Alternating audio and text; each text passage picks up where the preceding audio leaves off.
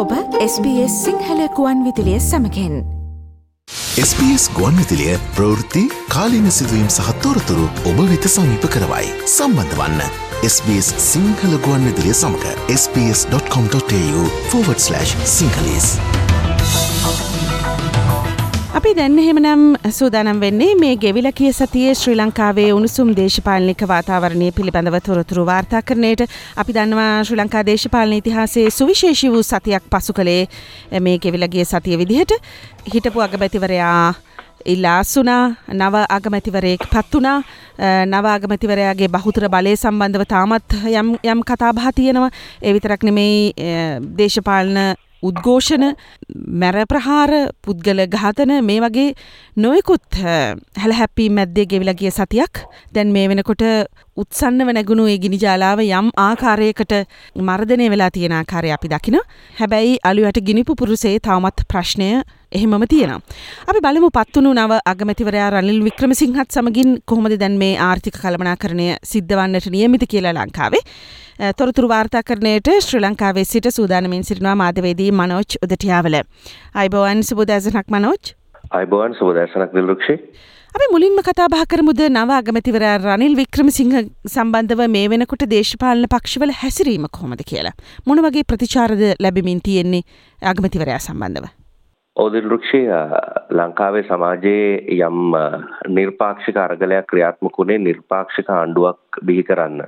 කෙසේ වෙතත් අග්‍රාමාත්‍යවරයා හැටියට කටයුතු කරපු මහින්ද රාජපක්ෂ මහත්මයා ඉවත්වීමත් එක්ක ජනාධිපතිවරයා පාර්ලිමේන්තුවේ ඊළඟ බෞද්ධ බලයක් තියෙන පක්ෂයේ විදිහට සමගි ජන බලවේගයට ආරාධනා කළත් ඔවුන් ඒ සඳහා සූදානම් නොවුණු අවස්ථාවක පාර්ලිමේන්තුවේ එක මන්ත්‍රීවරයෙක් පමණක් නියෝජනය කරන එක්සත් ජාතික පක්ෂය වෙනුවෙන් එක්සත් ජාතික පක්ෂ නායක රයිල් වික්‍රමසිංහ මැතිතුමා අග්‍රාමාත්‍ය ධුරය බාරගත්තා. එතකොට එතනින් එහාට දේශපාලන පක්ෂවල හැසිරීම කෙබඳුද කියලා බලනවා නම් සමගි ජන බලවේගය ඊට පස්සේ අවසාන මොහොතේ ඔවුනුත් අග්‍රාමාත්‍යවරය බාර ගන්න සූදානම් බව කිව්වා අපි දන්නවා ඊට පස්සේ අග්‍රාමාත්‍යවරයා විදිහට පත්වෙච්ච රනිල් වික්‍රමසිංහ මහත්මයාත් සහයෝගය ලබා දෙන්න කියන ඉල්ලීම කළා ඒත් එක්කම සමගි ජන බලවේගයේ මන්ත්‍රීවරු පිරිසක් අලුතෙන් පිහි කරන ආණ්ඩුව සමග එකතු වෙන්න සූදානම් කියලා කිව්වා මේ අතරේ පක්ෂයක් විදිහට සමගි ජන බලවේගය මේ මොහොතේ අග්‍රාමාත්‍යවරයාට ඍජුව සහාය ලබා නොදීමේ ප්‍රතිපත්තියක ඉන්නවා. නමුත් මේ වෙලාවේ රට ආර්ථික වැටලා තියෙන අස්ථාවරත්වයෙන් තවදුරටත් අස්ථාවරත්වයට පත් කරන වැඩවලට සහාය නොදී යම් ආකාරයකින් පාර්ලිමේන්තුවේදී ඒ ක්‍රියාමාර්ගවලදී පමණක් සහයෝගය දෙන්න සමගි ජන බලවේගය තීරණය කරලා තියෙනවා ඔවුන් ආණ්ඩුවට ඍජුව සම්බන්ධ නොවි. ඒත් එක්කම ජනතා විමුක්ති පෙරමුණ ප්‍රමුඛ ජාතික ජන බලවේගයේ මතයත් එයමයි. ඔවුන් තමාත් දුර බාර ගන්න සූදානමක් නැහැ. ඔවුනුත් විපක්ෂයේ කටයුතු කරන්න සහ රනිල් ක්‍රමසිංහ අග්‍රාමාත්‍යවරයා විදිහට පත්වීමට විරෝධය පළ කරමින් ඔවුන් කටයුතු කරමින් ඉන්නවා. දෙමළ ජාතික සන්ධානයක් දෙවැනි ස්ථාවරයකමයි කටයුතු කරන්නේ අග්‍රාමාත්‍යවරයා සමග එකතු වෙලා ආණ්ඩුවේ අමාත්‍ය දුර බාර ගන්න සූදානම් නැහැ.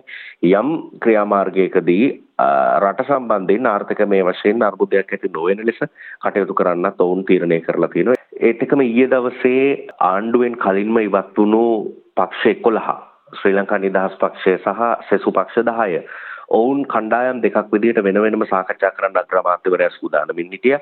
ඊයේ දවසේ විමල් වීරවංශ උදේගම්මන් පිළ ප්‍රමුඛ ශ්‍රී ලංකා නිදහස් පක්ෂයේ අතහැරලා ඉතුරු පක්ෂ 10 සමාජිකයින් සමග රැස්වීමක් පවත්වන්න නියමිතව තිබුණා.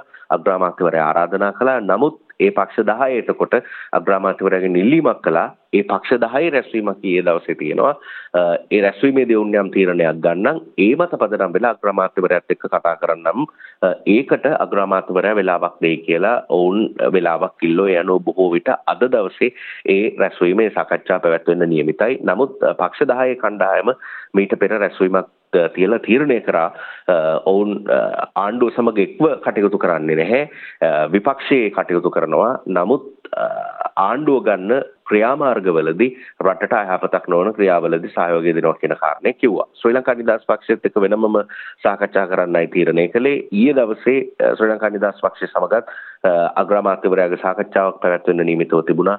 ඊයේ නමුත් ශ්‍රී ලංකා නිදහස් පක්ෂයේ මධ්‍යම කාරක සභා රැස්වීමක් අවලංගු කරලා තිබුණා. ඒ අනුව ඒ රැස්වීමත් අද පැවැත්වෙයි කියලා විශ්වාස කරනවා. ලංකාවේ ප්‍රධාන පාර්ලිමේන්තුව නියෝජනය කරන පක්ෂවල ස්ථාවරය බැලුවතින් ඔවුන් එවැනි ස්ථාවරයක තමයි මේ වන විට ඉන්නේ.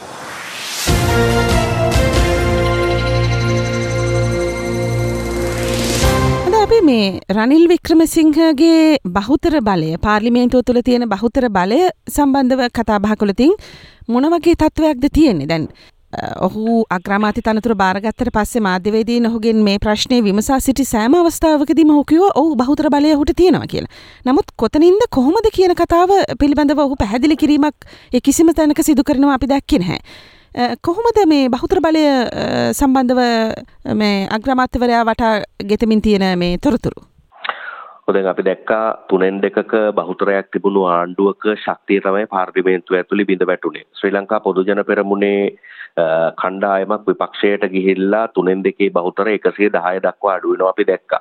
ඊට පස්සේ තවත් മന്ത്രിවරු 10 දෙනෙක් ස්වාධීන වීමක් පාර්ලිමේන්තුව තුල අපි දැක්කා. කොහොමනක් මහින්ද රාජපක්ෂ මහත්මයා අගමැති ධුරයෙන් ඉවත් වීමත් එක්ක පොදු ජන පෙරමුණේ മന്ത്രിවරු කිහිප දෙනෙක් විපක්ෂයට ගිහිල්ලා අසුන් ගන්න සූදානමක් තියෙනවා කියලාත් වාර්තා වුණා. ඇතැම් මന്ത്രിවරු ස්වාධීන වෙනවා. අපි දැක්ක ඊයේ ප්‍රේමනාත් සිදොල වර්ත මന്ത്രിවරයෙක්ව පාර්ලිමේන්තුව රැස් වෙන පළවෙනි දවසේ ඔහු ස්වාධීනව කටයුතු කරන්න තීරණ තීරණය කරලා තියෙනවා කියලා. එතකොට ආණ්ඩුවෙන් ඉවත් වුණු හවුල් පක්ෂත් එක්ක එකතු වෙච්චි ස්වාධීන මන්ත්‍රී කණ්ඩායමේ කීප දෙනෙක් අලුතින් පිහිටවන ආණ්ඩුවත් එක්ක සම්බන්ධ වෙලා වැඩ කරන්න සූදානමක් තියෙනවා කියලා තොරතුරු වාර්තා වුණා.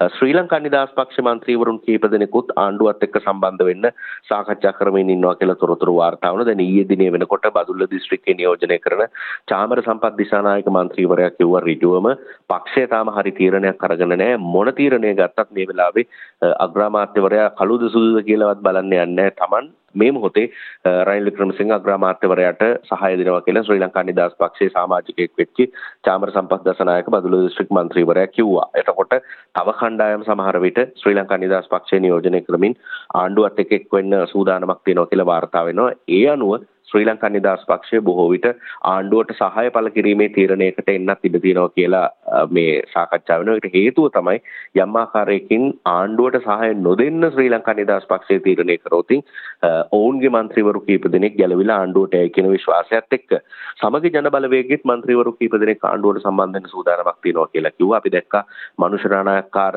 හරින් ප්‍රනාන්දු කබීර් හෂීම් හර්ෂ ඩිසිල්වා ඉරාන් වික්‍රමරත්න මේ වගේ අය ආණ්ඩුවට එකතු වෙලා කටයුතු කරා කරයි කියලා ඒ කියන්නේ ආණ්ඩුවට එකතු වෙලා කියන මේ වෙලාවේ රටේ තියෙන තත්ත්වය සම්බන්ධයෙන් බලලා පොදු වැඩපිළිවෙලක් එක්ක කටයුතු කරයි කියලා විශ්වාසයක් තිබුණා. නමුත් දැන් පේන්න තියෙන තත්ත්වය අනුව ඔවුනුත් සමග ජන බලවේගයත් සමග දිගට වැඩ කරන්න සූදානම්. ඒ අතරේ විපක්ෂ නායක සජිත් ප්‍රේමදාස මහත්මයා සල්ලි වලට මන්ත්‍රීවරුන් ලබා ගැනීමේ වැඩපිළිවෙලකුත් මේ මේ වෙලාවේ ක්‍රියාත්මක වෙනවා කියලා ඊයේ ප්‍රකාශයක් නිකුත් කරා. ඒ අනුව සමගි ජන බලවේගය අලුත් අග්‍රාමාත්‍යවරයාට සහාය නොදීමේ තීරණයක ඉන්නවා. ශ්‍රී ලංකා පොදුජන පෙරමුණ ජනාධිපතිවරයාත් එක්ක පැවැත්වෙච්ච සාකච්ඡාවකදී ඒකමතිකව තීරණය කරලා තියෙනවා. ශ්‍රී ලංකා පොදුජන පෙරමුණේ අනන්‍යතාවය සහ ස්වාධීනත්වය රැකගනිමින් කටයුතු කරනවා කියලා පාර්ලිමේන්තුව තුළ රනිල් වික්‍රමසිංහ අග්‍රාමාත්‍යවරයාට සහාය ලබා දෙමින් ඉතින් ඕක තමයි පක්ෂ සම්බන්ධයෙන් කොයි විදිහටද පාර්ලිමේන්තුවේ බලතුලනයට කටයුතු කරන්න කියන එක සම්බන්ධයෙන් තියෙන ස්ථාවරය. නමුත් වෙන වෙනම මන්ත්‍රීවරු ආණ්ඩු පක්ෂයට සහ විපක්ෂයට යාමේ සූදානමක් තියෙනවා. මේ වෙලාවේ වාර්තා වෙන තොරතුරු වල ඇටියට පාර්ලිමේන්තුව රැස් වුණාට පස්සේ තමයි ඒ පිළිබඳව අපිට නිසි ආකාරයෙන්ම දැනගන්න පුළුවන්කම ලැබෙන්නේ.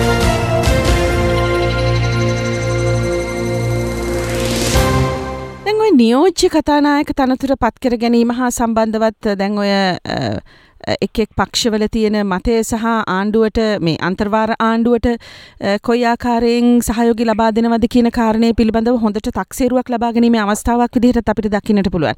දැන් මේ වෙනකොට අපි දන්නවා මේ නියෝජ්‍ය කතානායක තනතුරට රංජිත් සියඹලා පිටිය මහතා වැඩි ඡන්දයෙන් පත් කරගත්තත් ඔහු යලිත් ඉල්ලා අස්වීම හරහා ඒ තනතුර පුරප්පාඩු වෙලා තියෙනවා. මේ වෙනකොට සජබෙන් සහ ශ්‍රී ලංකා පොදු ජන පෙරමුණෙන් දෙදෙනෙක් ඉදිරිපත් කරලා තියෙනවා. දැන් නියෝජ්‍ය කතානායක තනතුර පත්වීම හා සම්බන්ධව තියෙන වාතාවරණය කොහොමද මේ වෙනකොට ඒ සඳහා ඡන්දයක් පවත්වන්නට නොබෝධනකින්ම කටයුතු කරයිද මොකක්ද තත්ත්වය? අන්න ඒක හොඳ අවස්ථාවක් වෙනවා මගේ දැන්දිල් රුක්ෂී පාර්ලිමේන්තුවේ බහුතරය සම්බන්ධයෙන් යම් අදහසක් ලබා ගන්න. චන්දු විමසීමකටම යන්න සිද්ධ වෙනවනේ. එතකොට දැන් පොදු ජන පෙරමුණටත් බලා ගන්න පුළුවන් රනිල් වික්‍රමසිංහ අලුත් අග්‍රාමාත්‍යවරයාට බලා ගන්නත් පුළුවන් සමග ජන බලවේගයට බලාගන්නත් පුළුවන් තමන් සමග ඉන්න මන්ත්‍රීවරු ප්‍රමාණය කොච්චරක්ද කියන එක. එතකොට දැන් ඔබ කිව්වා වගේ රංජිත් සීමලාපිටිය මන්ත්‍රීවරයා නියෝජක තනායකතුමෙන් ඉල්ලාස් වුණා. ඔහු ඉදිරිපත් වෙච්ච වෙලාවේ ඔහුට ඡන්ද 148ක් ලැබුණා. ඉමිතියාස් බාහිර්මාකරමතුමාට ඡන්ද 65යි ලැබුණේ. ඒ ස්ථාවරයේද තාම පාර්ලිමේන්තුවේ ඒ තීරණයමද තාම පාර්ලිමේන්තුවේ මන්ත්‍රීවරුන් අරගන්න කියලා මේ ඡන්දය හරහා බලන්න පුළුවන්. මුලින් ඉමිතියාස් බාහිර්මාකරමතුමාගේ නම යෝජනා කරනවා කියලා විපක්ෂයෙන් එම නැත්නම් සමගි ජන බලවේගෙන් කියලා තිබුණා මේ වෙලාවේ රෝහිණී කවිරත්න මන්ත්‍රීවරියගේ නම යෝජනා කරන්න තීරණය වෙලා තියෙනවා සමාජයෙන් උත්යම් මතු කිරීම අහන්න ලැබුණා නියෝජ්‍ය කතානායක දොරේ කාන්තාවකට දුන්නොත් හොඳයි කියලා. ඉතින් ඒකට යම් ප්‍රතිචාරයක් විදිහට වෙන්නත් පුළුවන් රෝහිණී කවිරත්න මන්ත්‍රීවරිය නියෝජ්‍ය කතානායක දොරේට පත් කරන්න දැන් සමගි ජන බලවේගයේ නමක් හැටියට යෝජනා කරන්න තීරණය කරලා තියෙනවා. ඉමිතියාස් බාකිරමාකර මන්ත්‍රීවරයාගේ නම වෙනුවට ශ්‍රී ලංකා පොදු ජන පෙරමුණත් අජිත් රාජපක්ෂ මන්ත්‍රීවරයාව යෝජනා කරන්න තීරණය කරලා තියෙනවා. එතකොට පාර්ලිමේන්තුවේ බෙදීමක් තියෙනවා. දෙන්නෙක්ගේ නම් දෙකක් ඡන්දයකට යන්න වෙනවා. පසුව ශ්‍රී ලංකා පොදුජන පෙරමුණෙන් ස්වාධීන වුණු මන්ත්‍රීවරුන් 10 දෙනක් ඊයේ ප්‍රසිද්ධ ප්‍රකාශයක් කරලා තිබුණා පාර්ලිමේන්තුවේ ඡන්ද විමසීමකට නොගිහින් බෙදීමකට නොගිහින් කතා කරලා එක නමකින් ඒකමතික තීරණයකින් නියෝජ්‍ය කතානායකවරයා තීරණ පත් කරගන්නේ එහෙම නැතුනොත් ඔවුන් හිතට එකඟව තීරණයක් ගන්නවා කියලා කියලා තිබුණා. හැබැයි මේ තීරණය කොයි පැත්තටද නැඹුරු වෙන්නේ කියලා කියලා තිබුණේ නැහැ. පාර්ලිමේන්තුවේ බහුතරය බලය බලනවා නම් පාර්ලිමේන්තුවේ බහුතර බලය බලනවා නම් නියෝජ්‍ය කතානායක තීරීමේ ඡන්දය හොඳ අවස්ථාවක්.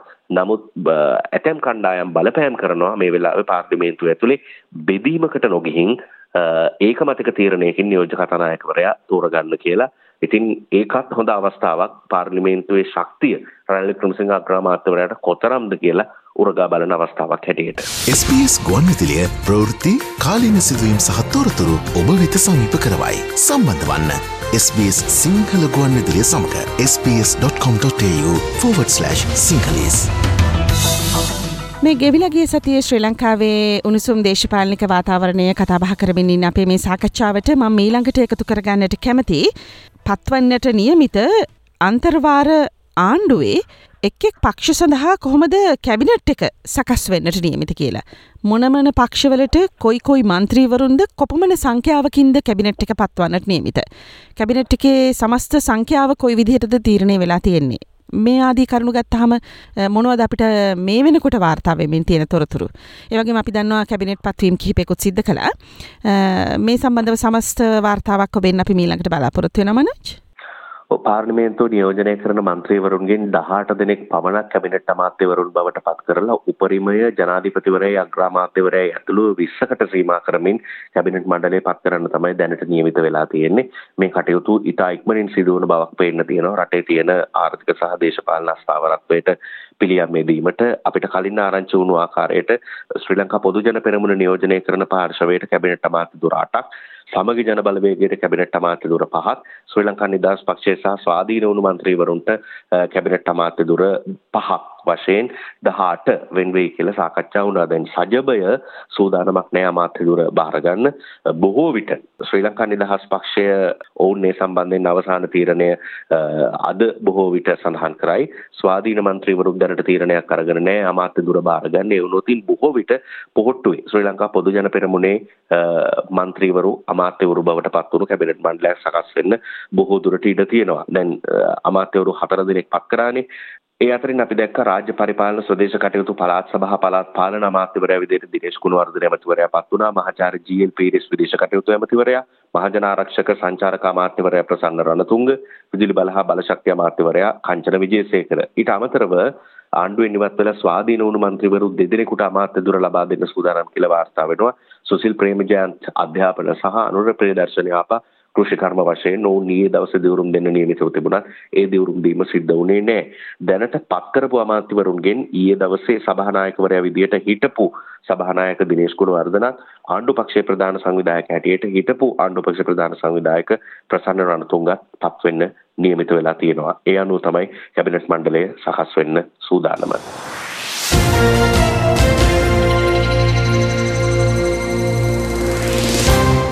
පසුගිය සිකුරාදා ආණ්ඩු පක්ෂ රැස්වීම ටිකක් උණුසුම්කාරී වාතාවරණයක් අරගත්තා කියලා අපිට තොරතුරු වාර්තා වෙනවා. ජනාධිපතිවරයා එතනට පැමිණිලා හිටපු ආණ්ඩු පක්ෂයේ හිටපු මැති ඇමතිවරුන්ගේ ප්‍රශ්න නැතුව වෙනත් ප්‍රශ්න පිළිබඳව අවධානයෙන් සිටිය වගටත් එතකොට ඔය දේපල ගිනි ගැනීම් වලට හසු වෙලා හිටපු මන්ත්‍රීවරුන් සම්බන්ධව යම් කිසිවක් සාකච්ඡා නොකළ වගටත් තොරතුරු වාර්තා වෙනවා ඒ අතරතුරේදී ඒ සම්බන්ධව යම් කෝපයකින් හිටිය කියලත් වාර්තා වෙනවා මේ මන්ත්‍රීවරුන්. එහෙම බැලුහම මේ ආණ්ඩු පක්ෂයේ මන්ත්‍රී රැස්වීමේදී සිදුවුණු කතාබහ පිළිබඳව ටිකක් අවධානය යොමු කිරීමත් වැදගත් වෙනවා. හයිලයිට්ස් විදිහට වඩාත්ම වැදගත් කාරණා විදිහට වාර්තාවන තොරතුරු කිහිපය කෙරෙහි මගේ අවධානය යොමු කරන්න කැමති මීළඟට මනෝජ්. ඔහු විශේෂයෙන්ම මේ ආණ්ඩු පක්ෂ මන්ත්‍රීවරුන්ගේ හමුවට පොලිස්පතිවරයාත් ඇවිල්ලා හිටියා හිටපු අග්‍රාමාත්‍ය මහින්ද රාජපක්ෂ පැතුමා ඇවිල්ලා හිටියේ නෑ. නාමල් රාජපක්ෂ මන්ත්‍රීවරයා ඒ වගේ කීප දෙනෙක් මේ රැස්වීමට සහභාගී වෙලා තිබුණේ නෑ. මහාචාර්ය චරිත හේවත්. මේ කණ්ඩායම් සඳහන් කරලා තිබුණා මේ ඔවුන්ට පැමිණීමේ අපහසුතා පිළිබඳව. ඒ හැරුණුකොට පැමිණුණු මන්ත්‍රීවරුන් විශේෂයෙන්ම මේ පොලිස්පතිවරයා ඉදිරියේ පොලිස්පතිවරයාට ඉල්ලාස් වෙන්න කියන ඉල්ලීම කරලා තිබුණා. වෛද්‍ය රමේෂ් පතිරණ චෝදනාත්මකව කතා කරලා තිබුණා මේ ප්‍රහාර වළක්ව ගන්න. යම් ආකාරයකින් උත්සාහ කරන්න එමන් නැත්නම් මේ කණ්ඩායම් මර්ධනය කරන්න. පොලිස්පතිවරයා නිසි ක්‍රියාමාර්ග ගත්තේ නැහැ කියලා. මහාචාර්ය චන්න ජයසුමන හිටපු අමාත්‍යවරයාත් පොලිස්පතිවරයා ඉල්ලා අසු යුතුයි කියන කාරණේ කියලා තිබුණා. එතකොට මන්ත්‍රීවරු යම් ආකාරයකින් අත්වල සන්නාද දෙමින් බැනවදිමින් චෝදනා කරමින් පොලිස්පතිවරයාව දැඩි ලෙස මේ ආණ්ඩු පක්ෂ මන්ත්‍රී කණ්ඩායම එහෙම නැත්නම් ජනාධිපතිවරයා පොදු ජන පෙරමුණේ මන්ත්‍රීවරු රැස් වෙච්ච අවස්ථාවේදී කටයුතු කළායි කියලා වාර්තා වෙනවා. පොලිස්පතිවරයා සඳහන් කරලා තියෙනවා. ඊට කෙටි කාලයක් ඇතුලේ සති දෙකක් වගේ කාලයක් ඇතුලේ මේ අයව අත්අඩංගුවට ගන්න කටයුතු කරනවා කියලා ඒ විතරක් නෙමෙයි පොලිස්පතිවරයාත් සඳහන් කරලා කියනවා පොලිස්පතිවරයාත් සඳහන් කරලා තියෙනවා මීට මාස මාස තුනක වගේ කාලයක් ඉඳලා තමයි Taman කියන්නේ මෙවැනි තත්වයක් ඇති වේවි කියලා. නමුත් ඇති වුණු තත්වයේ සම්බන්ධයෙන් ක්‍රියාමාර්ග ගන්න සූදානමින් ඉන්නවා කියලා සඳහන් කරලා තියෙනවා. පාර්ලිමේන්තුව නියෝජනය කරන මන්ත්‍රීවරු අතරින් අලි සබ්රි මන්ත්‍රීවරයාත් සඳහන් කරලා තියෙනවා ඔවුන් මේ ඇති වෙලා තියෙන ජීවිත තර්ජන හමුවේ තැන් තුනක තමයි බිරිඳ දරුවා සහ තමන් ජීවත් වෙන්නේ. ඒ තරම් ජීවිත තර්ජන එල්ල වුණු තත්ත්වයක් නමුත් තමන් නිසියාකාරයෙන් බදු ගෙවමින් ජනතාවට සේවයක් කරන්න ආපු අවස්ථාවේ මෙවැනි දේවල් සිද්ධ වීම අනුමත කරලා නැහැ. අවසාන වශයෙන් ආණ්ඩු පක්ෂ රැස්වීමේදී පක්ෂයක් විදිහට ඒකමතිකව තීරණය කරලා තියෙනවා. තමන්ගේ පක්ෂයේ ස්වාධීනත්වය ආරක්ෂා කරගනිමින් අග්‍රාමාත්‍ය රාජ්‍ය වික්‍රමසිංහ මහත්මයාට ශ්‍රී ලංකා පොදු ජන පෙරමුණේ මන්ත්‍රී කණ්ඩායම විදිහට ආණ්ඩුව කරගෙන යන්න සහයෝගය ලබා දෙන්න.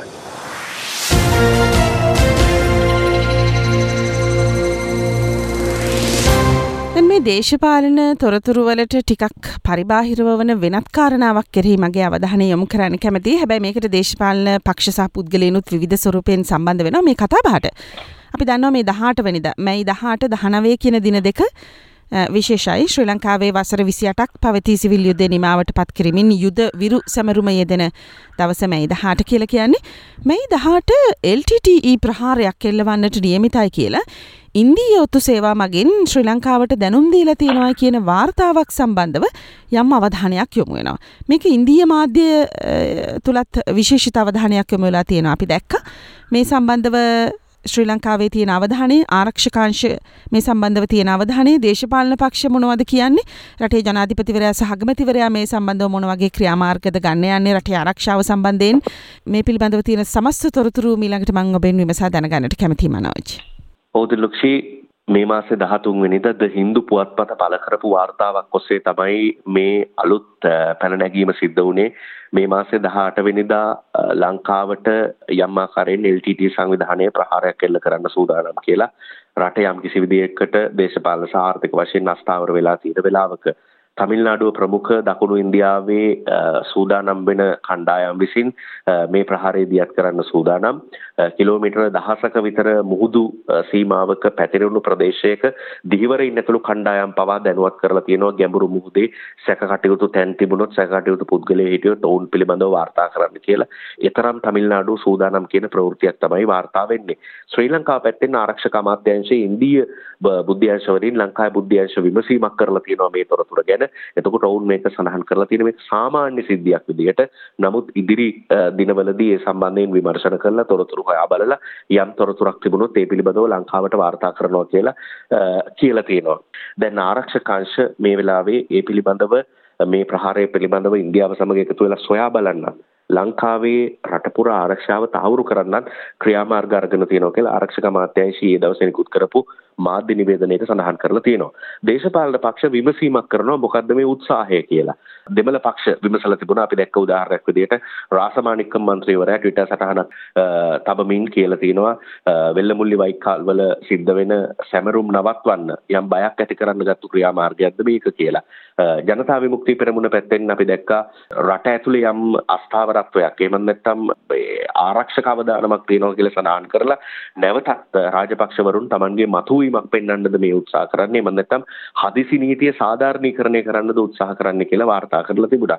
ඒත් එක්කම අපි දැක්කා NDTV රූපවාහිනියේ වෙබ් අඩවිය සඳහන් කරලා තියෙනවා හින්දු පුවත්පතේ මේ ප්‍රවෘත්තිය වාර්තා කරපු මාධ්‍යවේදියාට රාජපක්ෂවරු මුදල් ගෙවලා අවසාන තුරුම්පුවක් හැටියට පළ කරපු ප්‍රවෘත්තියක් මේ ප්‍රවෘත්තිය කියලාත් වාර්තා කරලා තියෙනවා. කොහොමුණත් මේ ආරක්ෂාව සම්බන්ධයෙන් ප්‍රශ්නයක් ඊයේ මාධ්‍ය නිවේදනයක් මගින් දැනුවත් කරපු ආකාරයට ආරක්ෂකාංශ රට ඇතුලේ යම් ආරක්ෂක තහවුරුවක් වෙනුවෙන් කටයුතු කරලා තියෙනවා. රටේ ආරක්ෂාව තහවුරු කරන්න ඉන්දිය බුද්ධි අංශ වලින් විමසලා තියෙනවා. ඔවුනුත් වාර්තා කරලා තියෙනවා. එවැනි තොරතුරක යාවත් කාලීන තොරතුරු තිබුණොත් ශ්‍රී ලංකාව දැනුවත් කරන්න. ඒක තමයි මේ ප්‍රහාරය සම්බන්ධයෙන් මේ වෙලාවේ මතුවෙන සහ එක්කාසු වුණු ප්‍රවෘත්තියේ ස්වභාවය. ඕ අපිට ලැබිල තියෙන කාලසීමාවත් එක්ක කතාබහ කළ හැකි ප්‍රධානතම කාරණා පිළිබඳවයි අපේ අවධානය අදත් යමුණේ මේ තොරතුරු වාර්තා කරනයට ශ්‍රී ලංකාවේ සිට අපිත් එක්ක සම්බන්ධවුණු මාධවේදී මනෝජ් උදටියාවලට අපේ ස්තුතිය පල කර සිටිනවා. බොහම ස්තුති මනෝජ්. අපි ලබන සතිය සඳදා යළිත් හමුවමු අයිබෝවන් ස්තුතිදිල් රුක්ෂේ අයිබෝවන්.